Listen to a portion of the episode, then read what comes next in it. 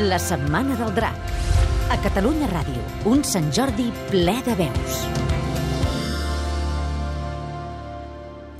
A l'extrem de cada branquilló, com qui embolcalla un brot verd dels incondicionals o dels que només condiciona la natura a caprici seu, hi brillava una gota d'aigua gelada.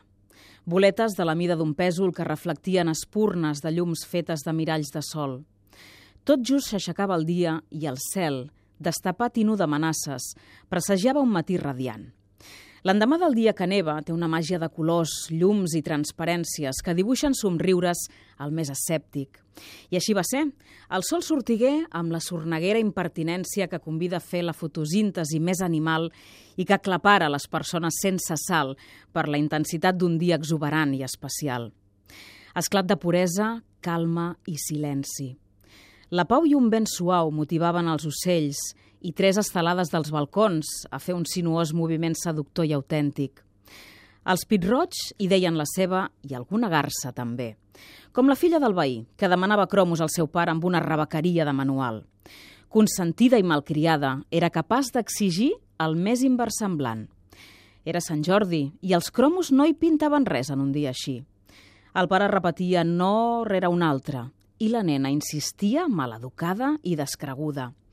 Era una escena més d'aquesta família desmanegada per culpa d'haver viscut uns privilegis que no els pertocaven. Ara tot se'ls girava en contra. Ni el tipus de roba, ni els restaurants cars, ni els cotxes grossos, ni tampoc les vacances lluny ja no eren possibles. A baix, a la plaça, hi havia els primers floristes i venedors oportunistes de roses de qualsevol color.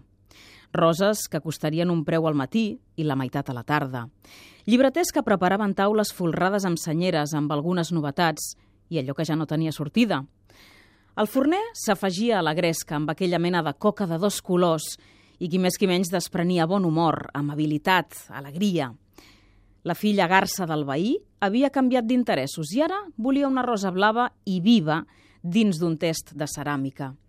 El pare li diu que sí i li compren. Nosaltres vam sortir a voltar una mica, vam comprar tres llibres que ens feien il·lusió de llegir i també de ser explicats i vam tornar a casa amb una mica de paper de seda de color vermell i els llibres. Arribats a casa vam cargolar el paper vermell retallat en trossets per fer-lo semblar a una flor d'una rosa.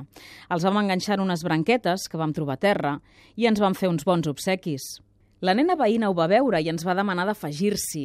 Va fer la seva flor i la va regalar a la seva mare. Aquella nit, la següent, va tornar a nevar amb força i va cobrir de neu la flor que la mare de la nena es va deixar allà on la seva filla li havia regalat, damunt de la taula de fusta de l'entrada, just de sota de l'arbre dels brots glaçats, una rosa vermella congelada de paper. La Setmana del Drac. Un Sant Jordi ple de veus.